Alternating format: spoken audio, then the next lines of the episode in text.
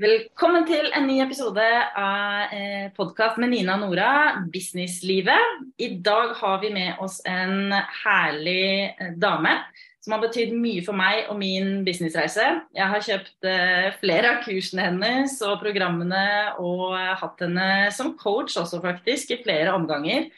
Så dette gleder vi oss veldig til. Og hun er en dame som er ja, ganske, blitt ganske anerkjent og gjort det bra, vil jeg si, i online eh, business-verden. Så det er veldig spennende. Eh, mm. og det er altså Mari Vige som vi er så heldige å ha fått med oss i dag. Velkommen, Mari.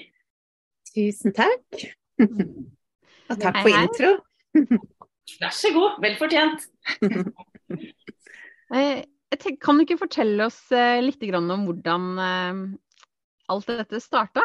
Du er jo litt sånn som de fleste gründere når de har holdt på en stund. Eh, der hvor du er nå, er jo ikke der hvor du starta. Og eh, jeg vil tro at det er mange som syns det er spennende å høre om eh, ja, liksom hvordan det er i begynnelsen. Da. Hvordan man liksom mm. kommer i gang og alle de mm. tankene og utfordringene man har i begynnelsen. Um, for å komme dit før man er dit man er nå. Ja. Eh, ja, hvor skal man begynne? Um, jeg er jo egentlig i utgangspunktet ikke en sånn Jeg vil ikke definere meg som en gründerdame sånn fra, i utgangspunktet. Kommer ikke fra en familie eller noen sammenheng i det hele tatt som har drevet egen business eller noe som helst eh, sprell som det. Veldig streit A4, vanlig jobb-type eh, familie. Eh, men så ble jeg sånn sammen med mannen min da jeg var ganske ung, og han var jo en sånn, eller ble i hvert fall en sånn type gründer veldig tidlig. Starta for seg sjøl med en gang vi eh, gifta oss. Mm. Eh, og drevet for seg selv da hele veien, mens jeg har gjort litt andre ting. Og så starta vi sammen en bedrift i 2012 som eh, var en nettbutikk, som vi drev fram til 2018 eh, sammen. Og den gikk veldig bra. Eh, på det meste så omsatte vi for over 20 millioner eh, på ett år. Så den hadde jo veldig sånn rask vekst på veldig kort tid, som ikke nødvendigvis er positivt. Eh, det er egentlig ganske krevende. Å oh, ja. For det, er... ja, ja. Unnskyld at jeg avbryter. Jeg bare tenkte mm. det er veldig lett å tenke at det er veldig positivt. Mm, nei, det er litt sånn voksesmerter. Hvis man ikke har systemene ikke sant, og er forberedt på det, det går så fort at man eh, liksom ikke henger helt med i svingene, så, så, kan det bli krevende. Og det var en helt annen type business også enn når du leverer en tjeneste, sånn som jeg gjør i dag. For da har du varekostnader, du har ja, det frakt, og det er mange andre faktorer som spiller inn, som, eh, som gjorde at uh, det var mye greier på gang når vi omsatte for så høye summer. Um, og så var det ting og tang som skjedde i uh, 2017 som gjorde at faktisk Altså, vi drev en nettbutikk som var veldig sesongbasert. Vi solgte hagestuer og diverse. Så i 2017 så hadde vi veldig ugunstig vær for den eh, bransjen vi drev i. Det var en veldig lang vinter og en veldig varm sommer.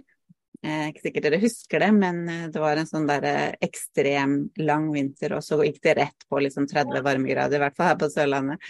Så ingen av delene var gunstig for oss, og omsetninga vår bare droppa fullstendig. Um, og så gikk vi da, og det var ikke bare det som var grunnen, flere grunner, men vi gikk konkurs da høsten 2018. Ja. Uh, så det var jo på en måte en sånn fra topp til bånn som gründer, og det Så vi har vært innom det. Det var veldig krevende og mye følelser knytta til det, og skulle gå inn og levere fra Du går liksom på tinghuset og leverer disse papirene. Slår deg sjøl konkurs. Det var uh, de, tok, de, tok eh, alt vi som sto i firmaet, mobiler og PC-er og alt blir bare liksom tatt. Eh, nøkkelen blir låst, og du får ikke lov å røre noen ting som du har av lager og ting og tang. Så det var veldig Ja, det var liksom veldig surrealistisk og rar opplevelse. Så jeg har jo skrevet det litt innlegg og sånn av og til når jeg har fortalt den historien, at det, det føltes litt sånn Plutselig satt vi der, liksom, og litt, hadde holdt på masse med Hatt en veldig hektisk hverdag med egen business og høy omsetning og masse som skjedde, ansatte og fysisk butikk. Som gjorde at eh, Nei, og så satt vi plutselig der, da, og ikke hadde liksom noen ting. mm. eh, så, vi, så, det var liksom sånn min, min reise da, inn i denne online-gründerverden starta. For da hadde jeg mm. Får jeg da spørre, hva gjorde det på en måte med selvtilliten din? når, når, du, når, dere hadde gjort det bra, ikke sant, og så går mm. til konkurs, er det sånn mm. da Hvordan type mindset har du da? Går du på en måte i kjelleren og tenker at åh oh, gud, det her var helt krise, eller var det på en måte en sånn nyvunnet motivasjon til å, å begynne på noe mm. nytt? Mm. Ja, for meg så var det nok heller det siste, fordi at det hadde skjedd så mye de siste to åra som var veldig krevende. Eh, at jeg følte litt sånn åh, nå kan vi på en måte gi det fra og så kan vi begynne litt på nytt. Eh, Istedenfor å stå i det her veldig krevende. Men jeg tror for mannen min, så, og kanskje har det noe med at man er mann og kvinne, jeg vet ikke, at de kjenner mer på den stoltheten. Jeg tror nok han kjente mer på det. Det føltes skamfullt og, og kjipt å ikke få det til, liksom. At du måtte kaste inn håndkleet. Eh, mens jeg kjente nok mer på den derre OK, nå har vi muligheten til å, til å gjøre noe annet, liksom, og, og, slippe det her som har vært så vanskelig. Um, og så, så, satt jeg liksom der Jeg husker det veldig godt, at jeg satt sikkert ikke med en gang, men liksom vi hadde kommet litt videre og skulle tenke liksom ut av hva vi skulle gjøre videre. Og jeg um, hadde ikke lyst til å på en måte miste den friheten, for selv om vi hadde en fysisk butikk og hadde en hektisk hverdag, så var det fortsatt vårt. Så vi kunne komme på jobb åtte eller elleve, eller ikke sant? vi kunne styre det litt som vi ville. Mm. Eh, og det var det som eh, kanskje var den største grunnen akkurat da til at jeg ville fortsette å drive et eller annet eget.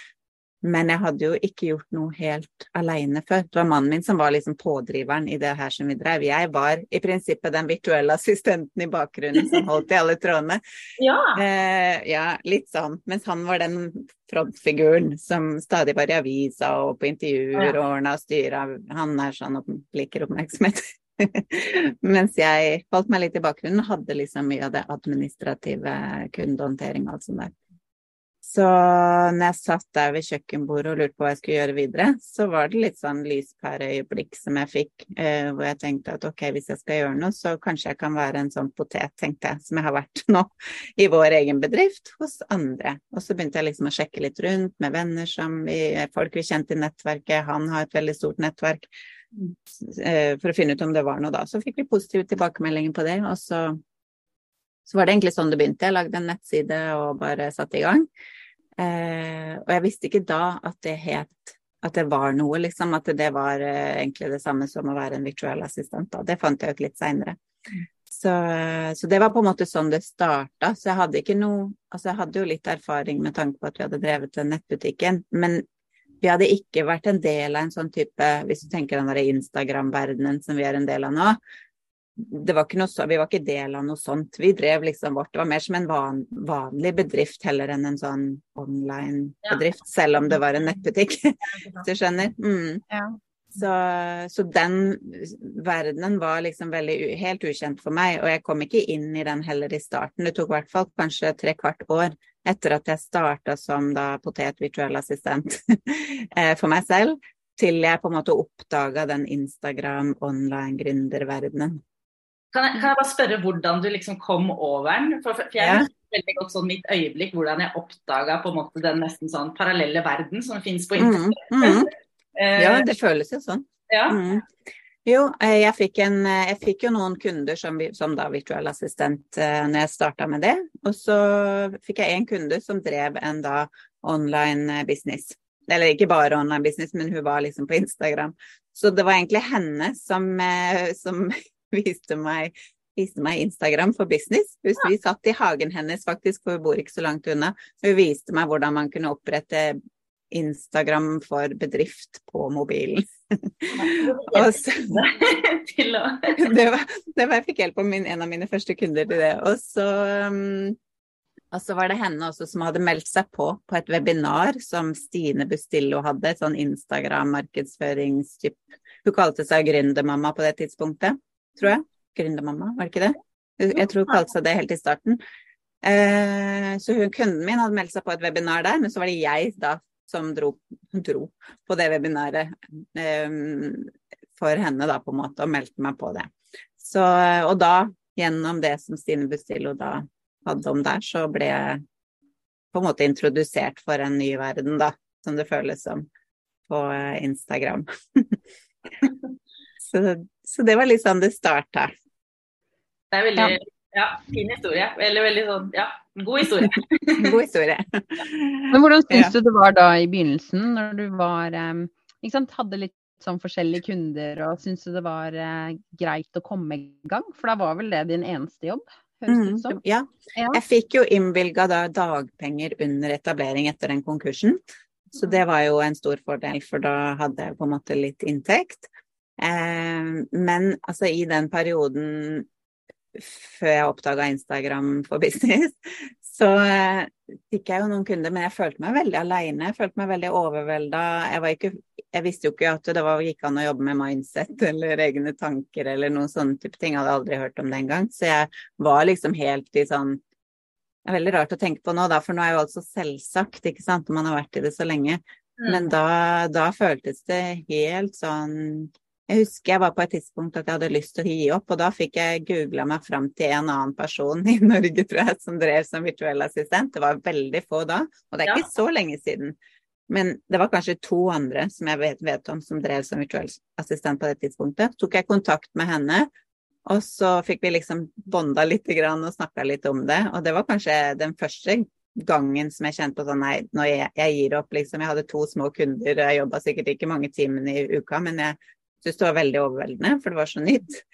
Eh, så jeg var, jo, jeg var, jo, innom noen sånne runder eh, i starten der. Um, og så begynte jeg jo da, jeg tok jo dette kurset til Stine da, um, når jeg hadde meldt meg på det webinaret for å lære litt om hvordan man skulle bruke Instagram.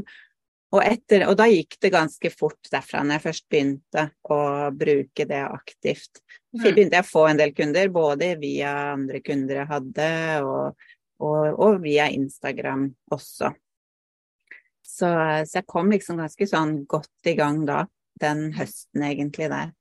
Som ja, 2019 blir vel det, da.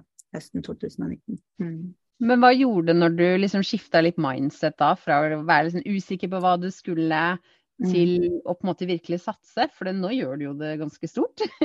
Så Nora sa i innledningen at ja, ja, men nå vet jo veldig mange i online-verden vet jo hvem du er. og mm. Mm. Veldig mange har jobbet med deg, og du har en mm. bra greie. Um, og jeg tenker du må jo ha på en måte lagt inn en ganske god innsats for å komme dit, da.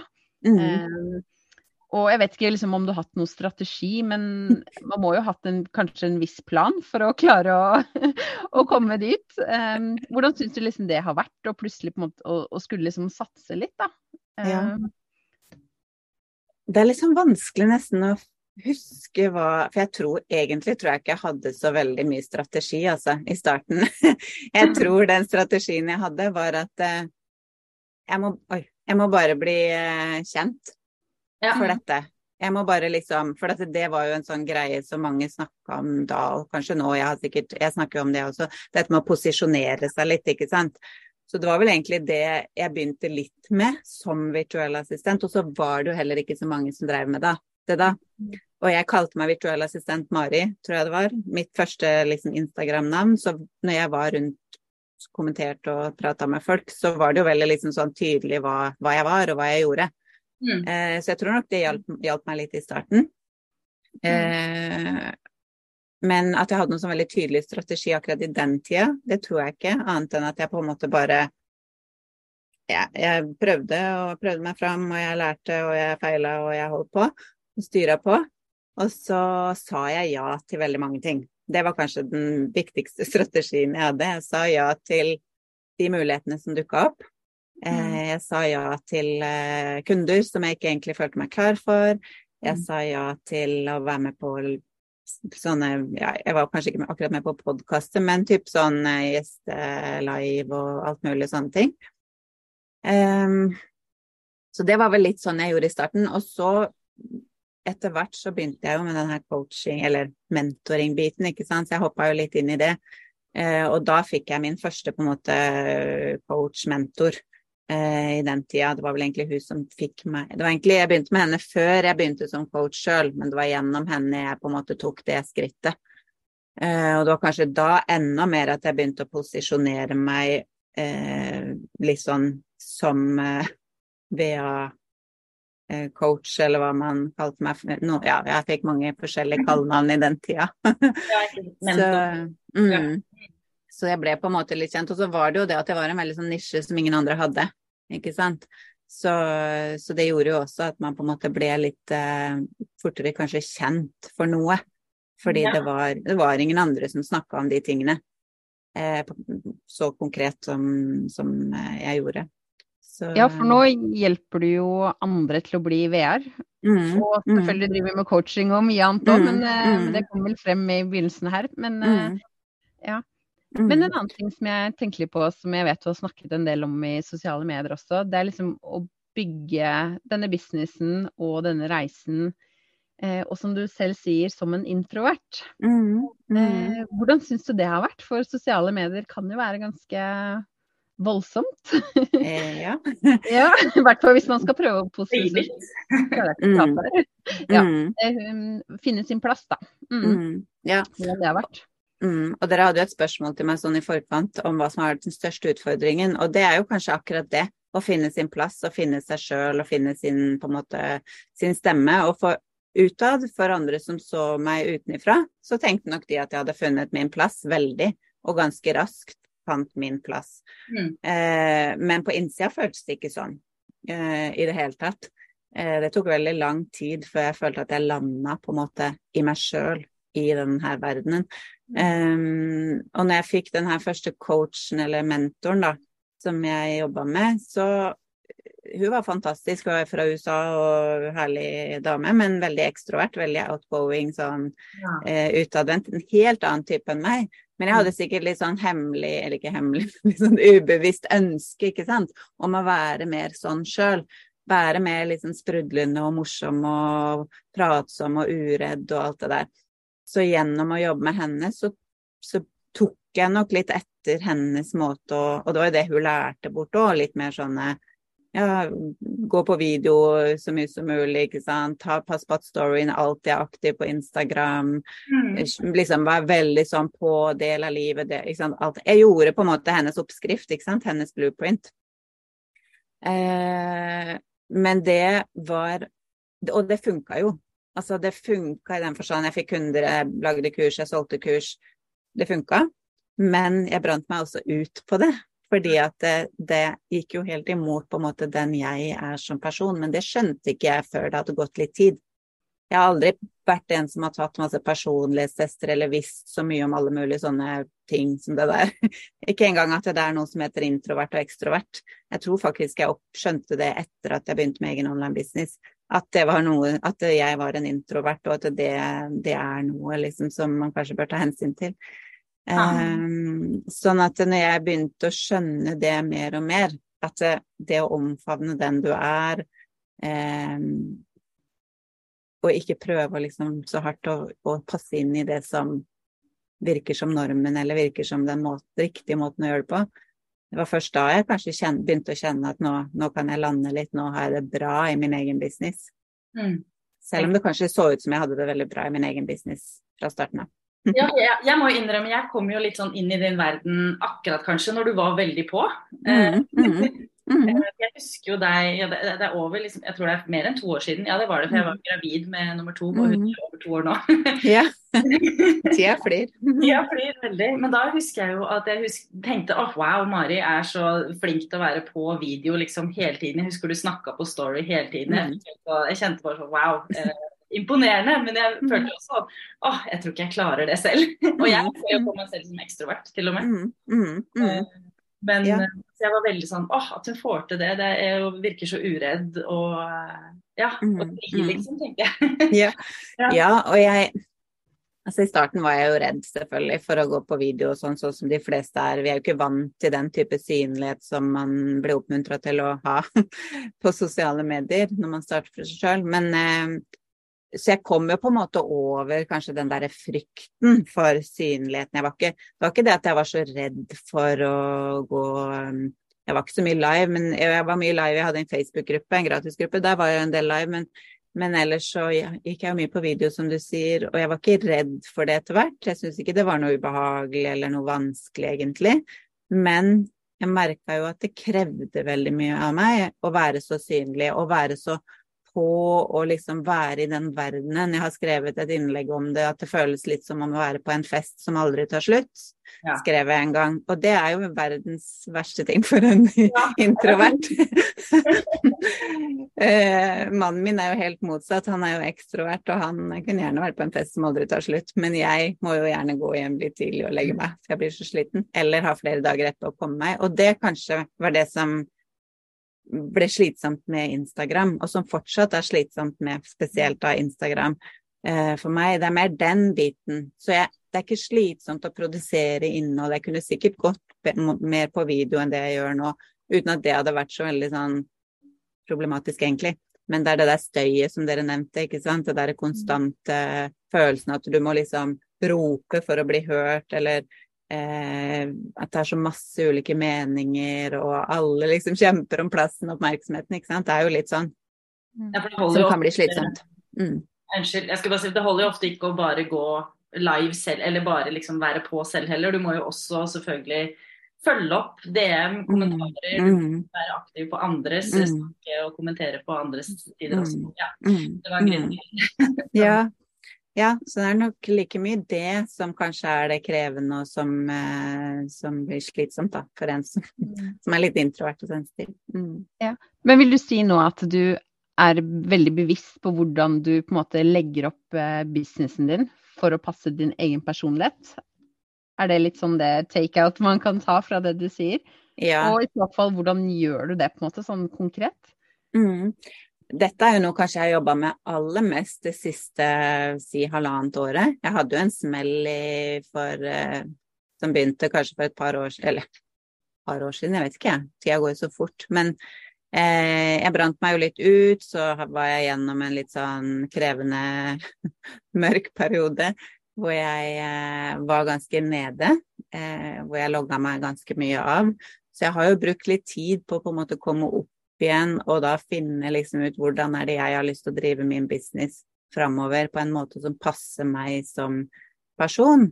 Um, så det har jo på en måte vært en sånn litt sånn, ikke struggle, men ja, litt sånn kamp, ikke sant. For man har gjort noe tidligere som funka på en måte, men samtidig ikke. For det funka ikke for meg som person.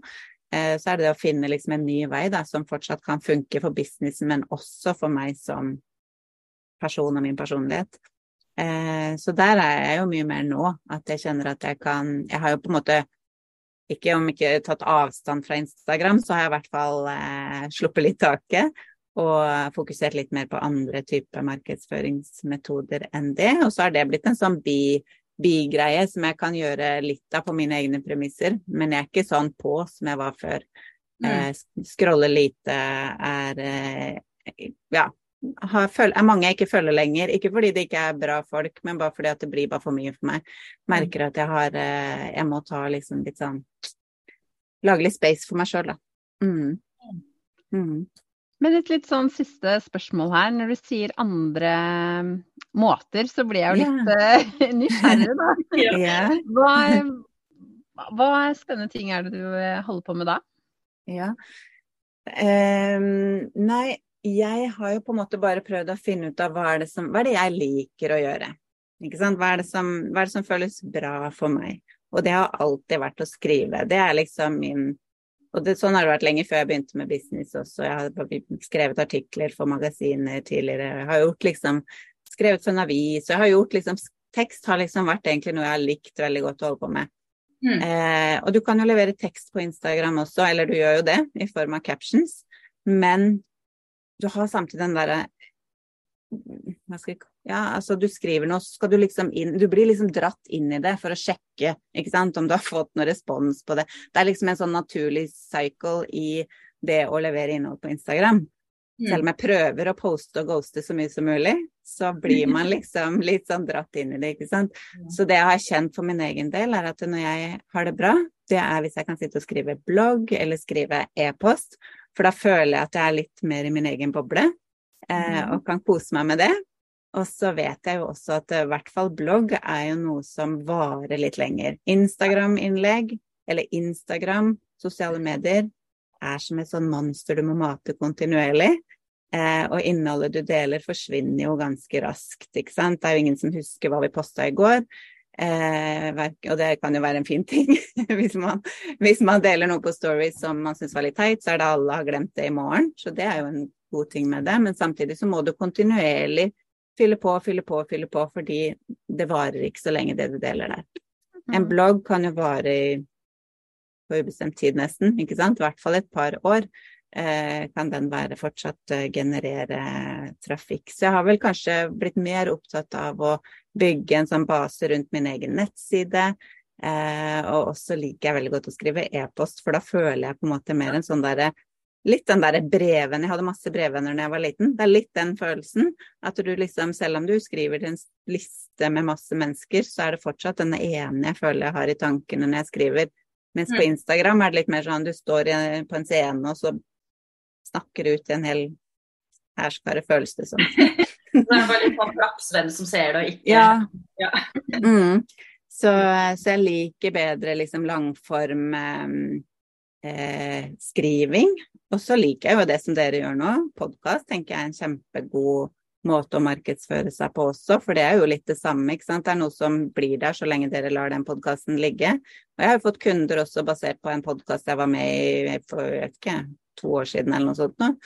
Eh, fordi den ligger på Spotify, liksom. Sånn at det, eh, det er jo eh, mye potensial i de. Ja, ja.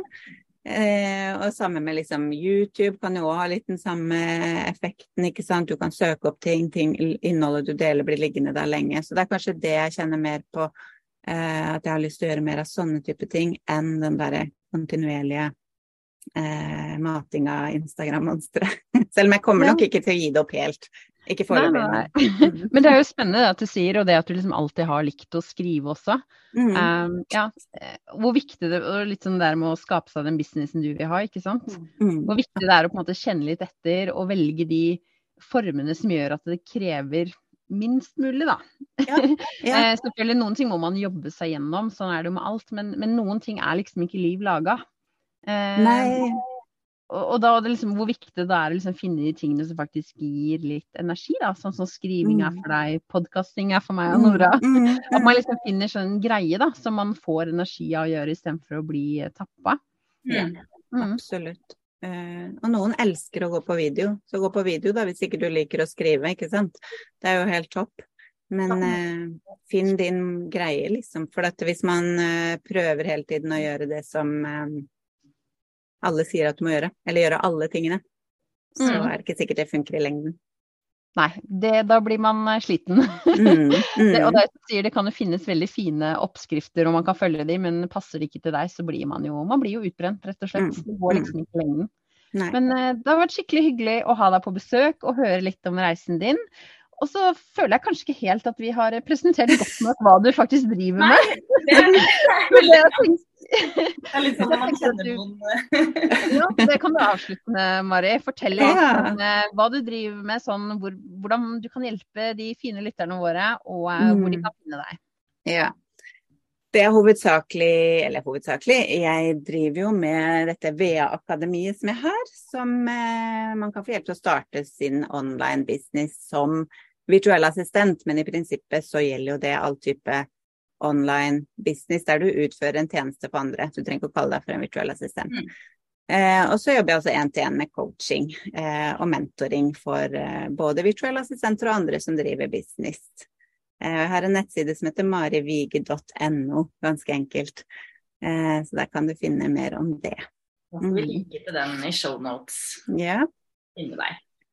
Så bra. Ha det bra. Tusen takk, Mari. Ha det. Okay, ha det.